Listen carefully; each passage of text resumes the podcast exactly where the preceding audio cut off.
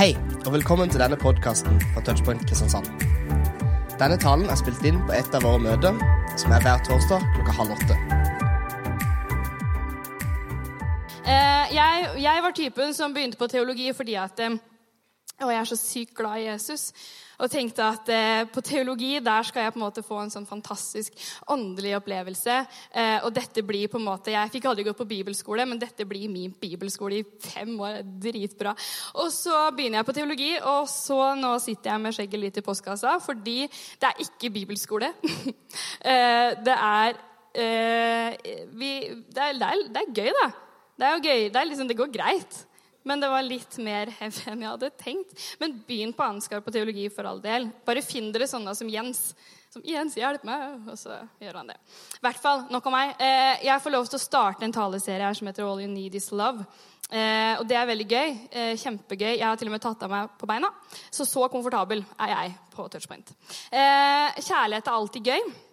Eh, og det er noe som jeg tror ca. alle i denne salen syns er gøy å høre om.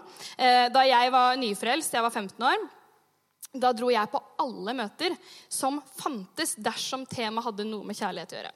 Jeg var i Adventistkirken, jeg var på møte i Nordmisjon, Indremisjon. Jeg var på møte i en superspesiell menighet som heter Vintreet. Jeg var i Den norske kirke. Jeg var på kirker i Larvik, jeg var på kirker i Tønsberg. Jeg dro til Stavern, jeg dro til Stokke. Jeg var Vestfold rundt hvis temaet hadde om kjærlighet å gjøre. Jeg elska det. For det er ingenting som er så spennende som å være forelska. Det er ingenting som setter følelser i sving mer enn en sånn her klissete kjærlighetsballade. A drop in the ocean, a change in the weather. Er det noen som husker den? Jeg, er grein. Jeg er grein. Altså så sykt. Men det er heller ingenting som kan såre oss så dypt som kjærlighet kan. Been there, done that. Du ligger på sofaen i en uke i pysjamas og tenker at 'dette får jeg lov til'. Jeg har det grusomt. Livet kommer aldri til å bli bra igjen. Ingen liker meg. Jeg kommer til å dø alene. Alle de her tankene som surrer rundt i hodet. For du har det jo skikkelig grusomt, så det er klart at det er lov. Men det er ikke den typen kjærlighet som jeg skal prate om i dag. Eh, for jeg skal prate om en kjærlighet som ikke får deg til å sitte gråtende på sofaen i en uke i pysjamas og synes synd på deg selv. Eh, jeg skal heller ikke prate om en kjærlighet som eh, bare sårer, river hjertet ut av deg. Jeg skal snakke om en kjærlighet som ikke krever noen ting av deg, for jeg skal snakke om at Gud er kjærlighet. Et kjapt søk på YouTube og Google, som jeg gjorde tidligere denne uka. Jeg er ram på Google, eh, selv om jeg skjønner ikke så mye av sånn internett. Men jeg googler uansett. Så kom det opp musikkvideoer, eh, taleserier, inspirerende kortfilmer, bibelvers som handler om at Gud er kjærlighet, med masse sånn forskjellige fancy bakgrunner og fonter og ulike bibeloversettelser. Det var titusentalls av treff når jeg søkte på 'God is love'. Og det er helt tydelig da, at det at Gud er kjærlighet, det er noe som engasjerer. Det er noe som folk har lyst til å vite mer om. Og for vi har hørt det. Vi hører det overalt at Gud er kjærlighet. Evangelistene på gata de roper 'Jesus elsker deg' til alle som går forbi. Ikke noe gærent i det. Jeg har vært en av de, jeg også. Eh, I påska så legger vi ut bilder med 'cross equals love'. Og så skal jeg innrømme at jeg, jeg, tror ikke jeg har tenkt så veldig mye over hva det egentlig betyr.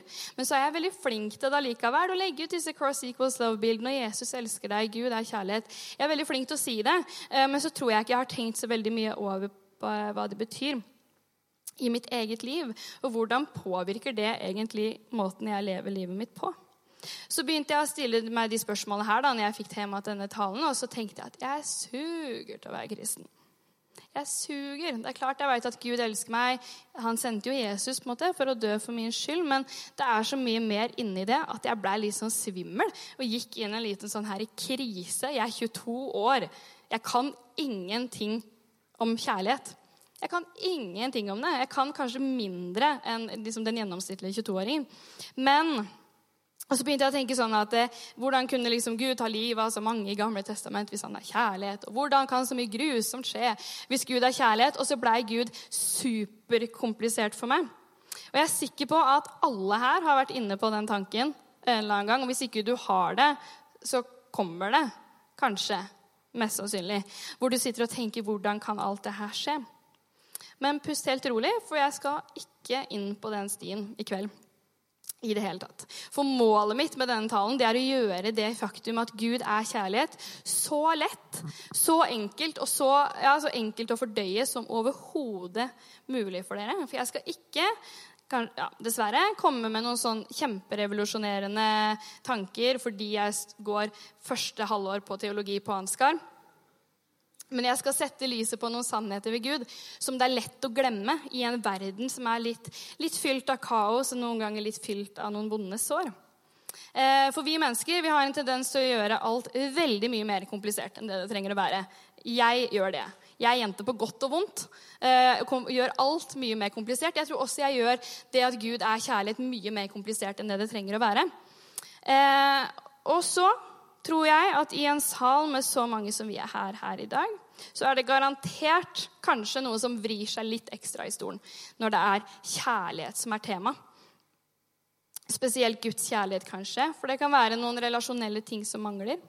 Eh, det kan være noen ting i relasjoner før som har såra.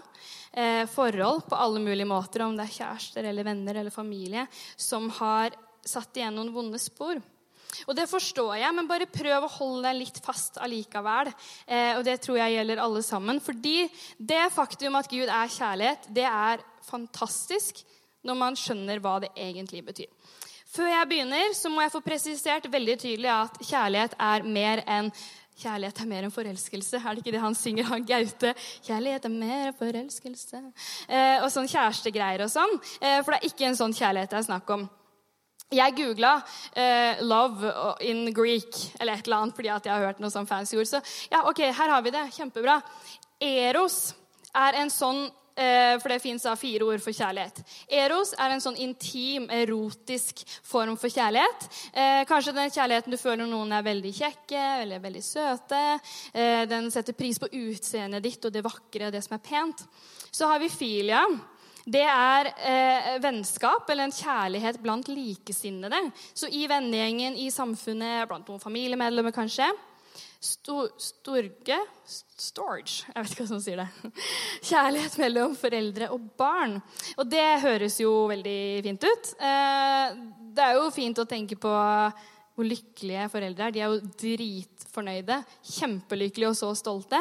Eh, det er faktisk ingenting som er så fint å se på.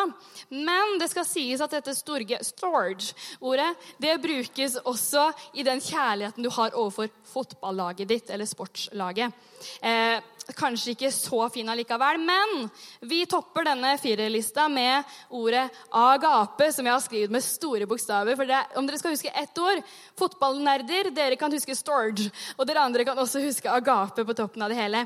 Det er kjærligheten fra Gud til menneske og fra menneske til Gud. En helt ubetinga kjærlighet. Og det er den kjærligheten det er snakk om i dag. Ikke den overfor fotballaget eller han kjekke i klassen. Eller på studiet. Vi er litt for, litt for, store til å si klassen, kanskje. Han søte i klassen. Han søte på studiet. Heller ikke den her verdslige foreldre- og barn-kjærligheten. For alt det er kjærlighet som er forgjengelig. Ikke alle foreldre klarer å vise barna sine ubetinga kjærlighet. Ikke alle kjæresteforhold har gode intensjoner. Og det er ikke alle vennskap som bare ønsker deg alt godt. Det er ikke alle som klarer å elske det samme fotballaget hele livet engang. Og det er ikke alle som klarer å elske seg selv.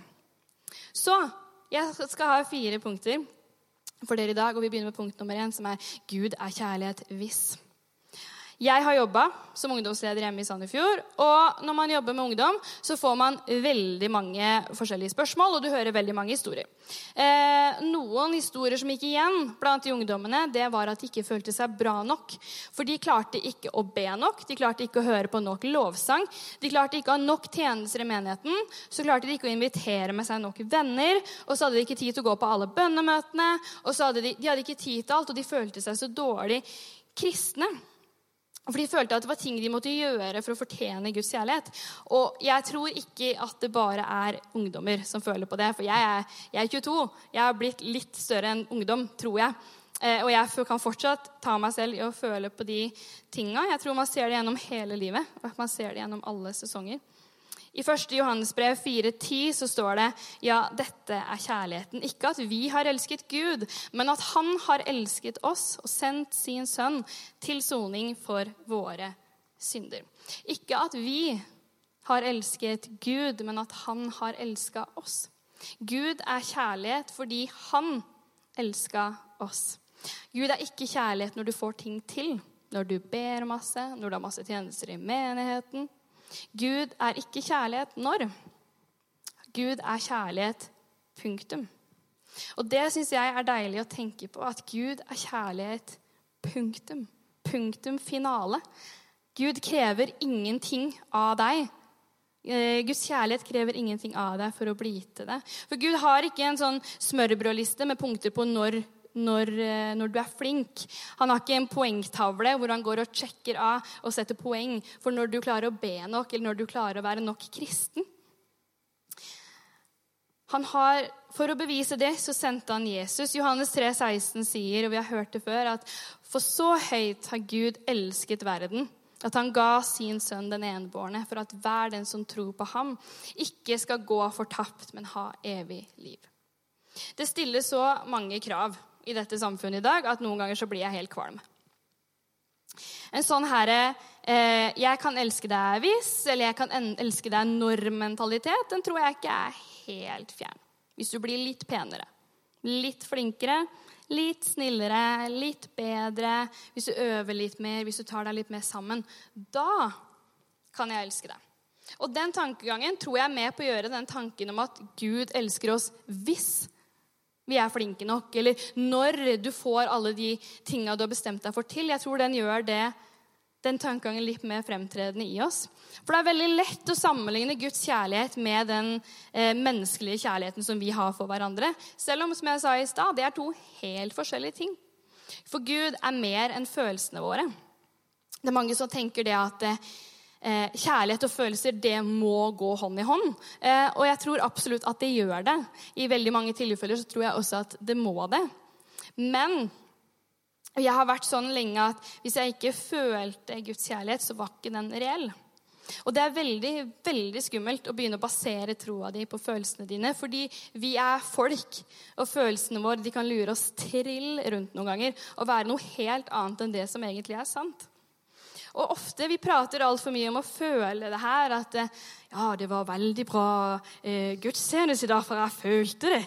Jeg følte Guds kjærlighet. Jeg får ikke det som sørlandsdialekt. Sorry.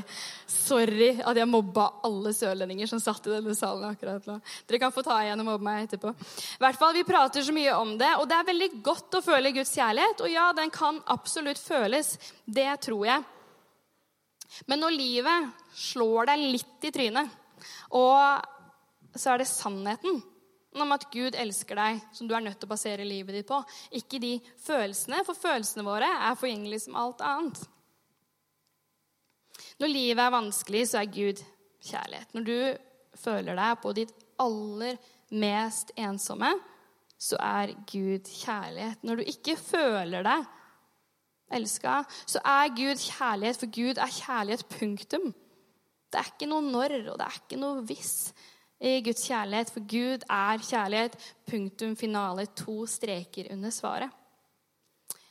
Punkt nummer to det går begge veier. Er det noen her som noen gang har vært i en sånn relasjon eller sånt vennskap hvor det ikke det var ikke helt, det gikk ikke helt begge veier? Er det det? Dere er veldig heldige i så fall. Jeg tror veldig mange her er Når du var små, du, liten, du hadde så lyst til å leke med hun med det lange, lyse, pene håret også. Hun hadde ikke hun så lyst til å leke med deg. Altså. Var du kanskje forelska i noen når du gikk på ungdomsskolen da, som ikke var helt forelska i deg tilbake? Jeg har i hvert fall vært i mange sånne. Jeg vet ikke hva, hva det kommer av, men det er jo greit, det. Men eh, i enhver relasjon så må det være en form for Uansett åssen relasjon det er, så må det være en form for gjengjeldende kjærlighet der. Ikke forelskelse nødvendigvis, men det er greit hvis man skal være venner, at eh, begge liker hverandre sånn cirka. Og det gjelder her også. Jeg er en god taler når dere er med. Når dere, jeg ser at dere faktisk er genuint interesserte i å høre det jeg skal si, sånn som Andreas som ga meg to tomler opp. Da er jeg en god, god taler, for publikum maksimerer taleren. Lovsangsteamet er helt avhengig av dere. eh, når de skal lede en forsamling i lovsang. For uten dere så er det jo ikke en forsamling. I hver relasjon så må det være en form for gjengjeldende kjærlighet. Og jeg tror at det er helt avgjørende også i vår relasjon til Gud. For Gud skapte oss fordi han elsker menneskene. Så høyt at han sendte Jesus for å dø. Og vi igjen er skapt for å elske Gud og for å ære Han med livene våre. Fordi han fortjener det. Fordi han elsker oss. Det kreves ingenting av det, det sa jeg i stad, for å ta imot Guds kjærlighet. Den er for alle. Men jeg tror allikevel at når man tar del i Guds kjærlighet, så skjer det et eller annet med måten du lever livet ditt på, og måten du prioriterer. I Johannes 4,7 så står det.: Mine kjære, la oss elske hverandre, for kjærligheten er fra Gud, og hver den som elsker, er født av Gud og kjenner Gud. I vers 11 så står det.: Mine kjære, har Gud elsket oss slik, da skylder også vi å elske hverandre. Og det følges opp i vers 12 av ingen har noen gang sett Gud. Men dersom vi elsker hverandre, blir Gud i oss, og hans kjærlighet er fullendt i oss. Ok, Bibelen er helt tydelig på at siden Gud elsker oss, så skal vi elske hverandre. Det må gå begge veier. Gud elsker oss, og han fortjener å bli elska tilbake. Og så er det sånn at eh, Både ved at vi tilber han, ved at vi bruker tid med han For Gud elsker å bruke tid med oss. Jeg tror at vi skylder å bruke litt, bruke litt tid tilbake med han. Gud har skapt alle mennesker. Det er hans verk. Og vi skylder faktisk å elske hverandre tilbake nettopp pga. det. For vi elsker fordi han elsket oss først. Jeg tror at det å elske mennesker rundt oss er en av de beste måtene å gjengjelde Guds kjærlighet på. Jeg er lei av folk. Er kanskje spesielt lei av kristne som baksnakker, som snakker stygt om hverandre, som ikke inkluderer hverandre, som vender ryggen mot de som ikke har det greit. Det er Guds barn du vender ryggen mot. Jeg sier ikke det for å ta noen, for jeg er ikke så veldig god på å være så veldig Altså, jeg gjør det sjøl, jeg også. Men det er Guds barn, det er Guds elskede barn og Guds verk som vi snur ryggen mot, som vi prater stygt om, som vi tenker stygt om. Og jeg tror at vi skylder å elske hverandre fordi Gud elsker oss, fordi det må gå begge veier. Punkt nummer tre, det gjelder deg også. Um, jeg har veldig mange ganger sittet i en forsamling og så har jeg tenkt at nei, det gjelder ikke meg du prater til nå. Det, det, nei, jeg, jeg, dette får jeg til, liksom. Jeg er flink og Nei, nei, nei. Og hvis du sitter og tenker det nå, så vil jeg bare liksom vekke deg litt og si hei, du, det gjelder faktisk deg også, denne talen. For Guds kjærlighet er ikke for eliten. Det er ikke for de som er så flinke, de som er på scenen, og de som har med seg ti nye venner på ungdomsmøte hver lørdag. Vi har kanskje slutta med det også. Men uh, i hvert fall det er ikke for de spesielt utvalgte. Jeg syns vi skal ta en titt på Johannes 3, 16 igjen. For så høyt har Gud elsket verden hele verden. Og det syns jeg er skikkelig kult. Eh, og jeg syns det er superimponerende å klare å elske en hel verden. Eh, jeg sliter faktisk litt med å like alle i klassen min. og det er 20 stykker. Eh, og det er ikke det at jeg ikke liker dere som personer, noen i klassen eller sånn, men jeg sliter kanskje litt med å like alle i klassen min fordi jeg føler at det er kanskje ikke alle som liker meg helt tilbake. Og så er det ikke så lett da, å liksom bare komme inn i teamet og si Hei, yeah, kompis! Uh, godt å se deg! Har du hatt en fin helg, eller? Hey. er egentlig det eneste tenker i huet, dette er superkleint. Jeg liker ikke han, han liker ikke meg. Vi er ikke venner. Vi er ikke venner på Facebook engang, for han vil ikke godta meg. Hva gjør jeg nå? Altså, det skjer. Det skjer, jeg lover. Jeg har gjort det mange ganger. Og det er ikke sånn. Det er kanskje liksom det vondeste i livet. bare så liten digresjon. Det vondeste i livet er når du sender en friend request, og så får du aldri svar. Jeg har som med broren min. Ja, Dette er superdigresjon, men jeg må ta det, for så, jeg la så sykt opp til den sjøl. Broren min eh, er veldig flau over meg. Han er glad i meg, men han er superflau over meg. Så jeg har hatt en venneforespørsel som har stått på pending i syv år. På Facebook. Jeg ringer han. Jeg hadde en periode jeg ringte han tre ganger i uka og spurte om han kunne godta meg snart. Han øh, gjør ikke det. Han sender 'gratulerer med dagen, jeg bursdag' og sånn, men det, liksom, det, stopper der. Eh, en liten digresjon. Greit. Det er ikke sånn at hele verden liker Gud, men så er Gud skikkelig kompis tilbake allikevel. Han hever seg liksom over den her eh, denia friend requesten, og så elsker han helt ubetinga tilbake uansett. Og eh, det syns jeg er veldig imponerende. Og dersom du har adressen din i Norge, så gjelder det deg òg. For Norge er jo faktisk en del av verden vi ligger ganske langt opp, og det er kanskje ikke så attraktivt å bo her. Det er jo bra å bo her, for all det, men det er jo kaldt. Men det er jo en del av verden uansett. I 1. Johannesbrev 4,13 så står det at vi blir i ham og han i oss. Det vet vi fordi han har gitt oss av sin ånd, sitt liv, for at vi skulle få liv. Gud ønsker så sterkt å være nær oss at han gav sitt eget liv for at vi skulle få liv. Både ved at han sendte Jesus for å dø, sånn at vi kunne få evig liv. Men han pusta liv i oss. Han ga oss av sin ånd, står det i første Mosebok. Han elsker så høyt at han skapte deg. Så om du noen gang tviler på om du er en del av det her, at Gud er kjærlighet, om Gud elsker deg, så syns jeg du skal ta en liten titt i speilet. For du er vandrende bevis på at Gud er kjærlighet. Han skapte alt dette for oss. Han skapte alt det her for deg. Og det kan kanskje være en ganske vanskelig sannhet å svelge for noen. For det er sykt mange unge mennesker som sliter med mindreverdighetskomplekser, følelsen av å ikke være bra nok, av å ikke fortjene alt det gode som verden har å gi. Og det må settes ord på. Det må på dagsorden. Det må på dagsorden i kristne miljøer. For jeg tror at noe av det jeg brenner mest for, det er å se at unge mennesker løfter seg litt opp, henter seg litt tilbake, innser hva de er verdt, og hvem de tilhører. Du er vandrende bevis på at Gud er kjærlighet, for at han plasserte deg her i denne verden, og så sendte han Jesus for deg. Jeg ble frelst når jeg var 15 år, tror jeg. Ganske radikalt frelst. Jeg gikk fra et liv hvor Gud var superlættis, eh, og det var ingenting. Og jeg var kanskje den verste i klassen til å prate stygt til alle som var kristne. Ok, det var to, så det var ikke så veldig mange. Men de to de fikk gjennomgå skikkelig på ungdomsskolen fra meg.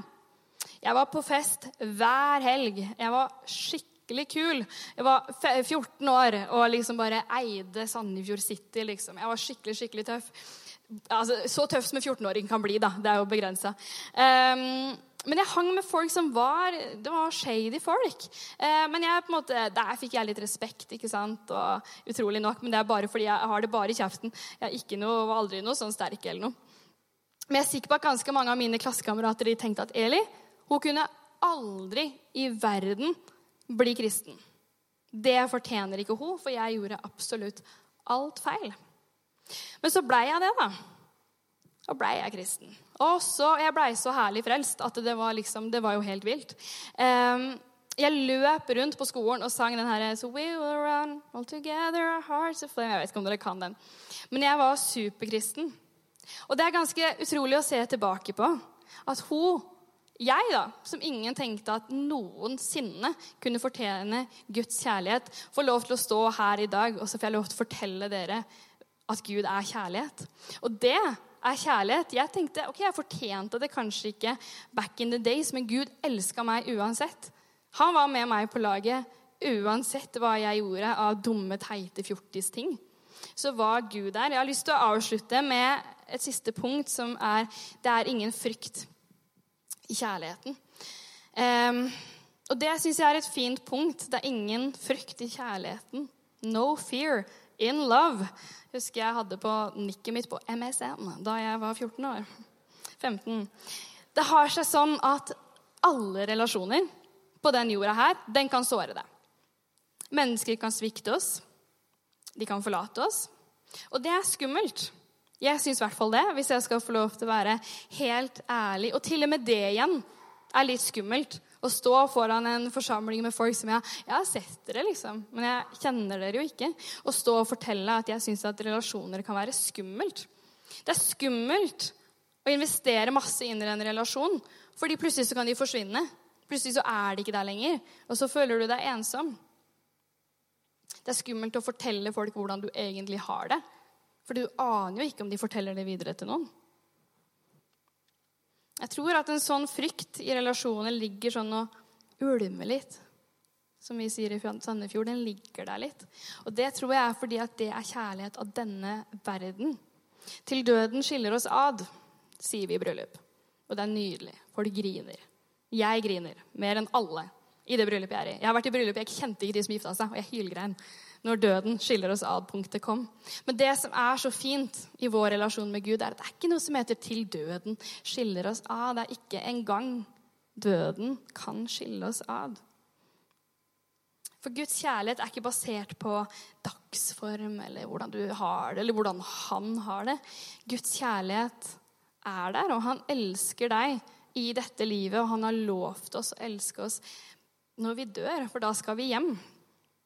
Og det er ekte kjærlighet. Det er agape, en ubetinga kjærlighet. Hvis du koker ned hele evangeliet, så sitter du igjen med en klump av kjærlighet. Det er Gud som sendte Jesus. Derfor er du her i dag. Og det er derfor vi kan få lov til å tilbe han, og vi kan få lov til å ære han med livene våre. Og det jeg har hatt lyst til i kveld, det er egentlig bare å gjøre det lett for dere. Men så er det det at det er relasjoner, og det er vondt. For noen så er det her med at Gud er en kjærlig far, og Guds fars hjerte, og Gud er kjærlighet Det kan være noe av det verste å høre om på et møte, fordi du sitter og tenker ja, men ingen som elsker meg.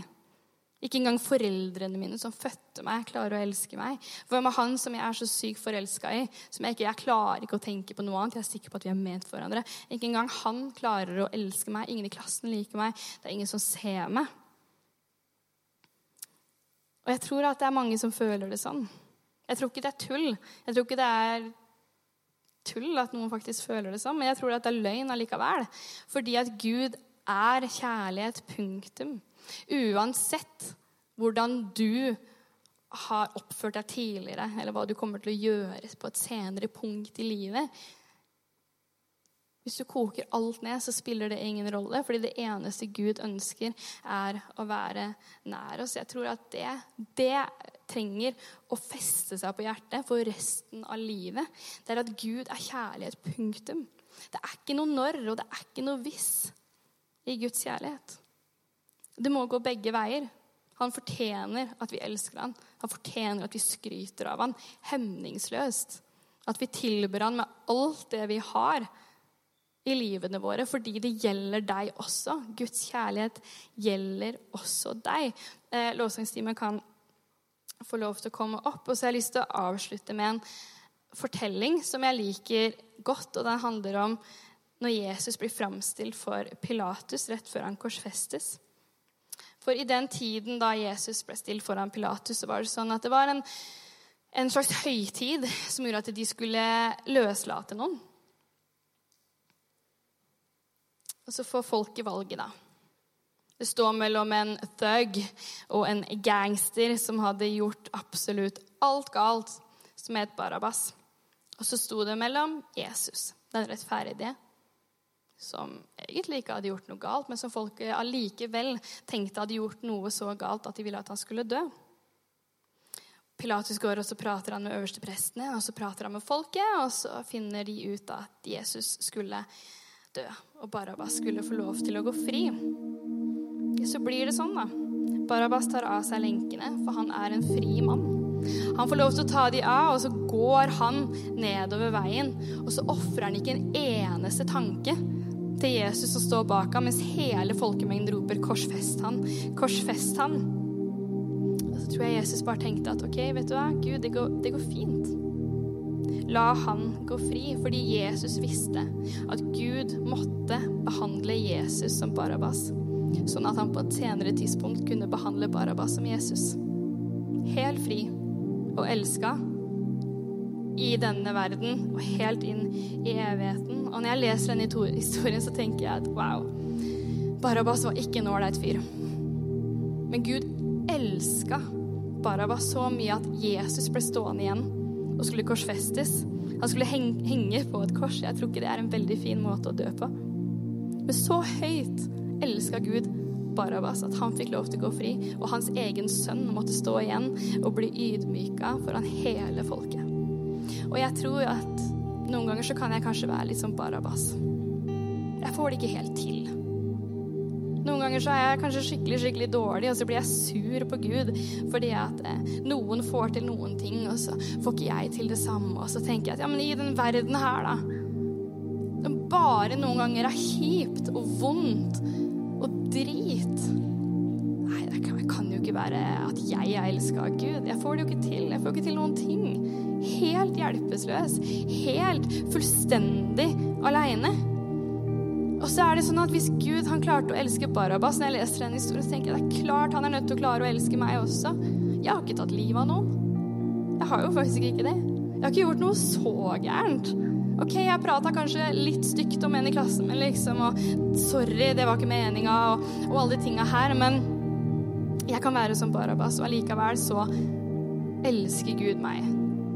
Så høyt at Jesus ble stående igjen der. Og så ble han ført opp Golgata, og så ble han korsfesta. Kun fordi Gud elsker oss. Han elsker deg.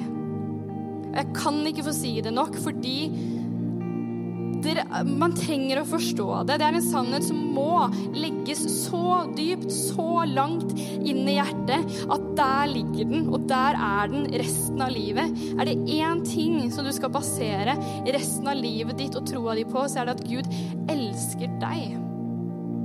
Det er ikke noe hvis eller når eller men. Det er helt ubetinga punktum finale. Så tror jeg at det er eh, vanskelig for noen å egentlig innse. Jeg tror noen har skikkelig problemer med å innse at Gud elsker dem. Men jeg har bare lyst til å være superkonkret med dere. Om du sitter og aldri har tatt imot den kjærligheten som Gud har lyst til å gi deg. Jeg skal gjøre det veldig enkelt. Alle bøyer hodene sine. Og lovsangstimen snur seg rundt. Dette er en helt privat stund, og det her er ikke fordi at jeg er så hellig at det er bare meg som kan ta deg igjen denne stunden her. Det er bare for å hjelpe deg litt på veien. Men jeg tror at i en sal med så mange mennesker, så er det noen som ikke har fått føle på den kjærligheten som Gud har å gi. Du har kanskje hørt det mange ganger, men du har aldri bestemt deg for at den kjærligheten, den har jeg lyst til å bygge livet mitt på, og den har jeg lyst til at skal være den viktigste delen i mitt liv. Så jeg kommer til å telle til tre, og så kan du rekke opp en hånd. Og det er ikke fordi hånda di er så veldig viktig. Det er bare for at jeg skal vite hvem jeg ber sammen med. Og heller ikke fordi at min bønn er så bra, men det er for å hjelpe deg på veien inn i et nytt liv hvor du er elska, og hvor du er satt 100% fri, uavhengig av hva du har gjort i dette livet, og hva du kommer til å fortsette å gjøre. Så når jeg teller til tre, så kan du ta opp hånda di. Jeg skal ikke dra deg fram, jeg skal ikke gjøre deg flau. Ingen skal se. Og så skal vi be sammen. Én, to, tre. Gud velsigne deg, og Gud velsigne deg. Gud velsigne deg. Gud velsigne deg. Gud velsigne deg. Du kan ta ned hånda di. Dette er en stor dag. Det er noen som skal få føle på Guds kjærlighet for aller, aller, aller første gang i livet. Dere kan be sammen med meg, alle sammen. Så gjør vi det her sammen. Vi som har gjort dette mange ganger før, vi gjør det for å backe opp våre brødre og søstre. Og dere som ber den for første gang, må bare be oss og bare ta imot. Kjære Jesus. Takk for at du er her. Takk for at du elsker meg. Helt ubetinga. Uansett hva jeg har gjort, uansett hva jeg kommer til å gjøre, så elsker du meg. Takk for at du sendte Jesus for å dø sånn at jeg kunne få liv. Jeg tror at Jesus døde for meg, sto opp og lever i dag. Fra i dag av er du min,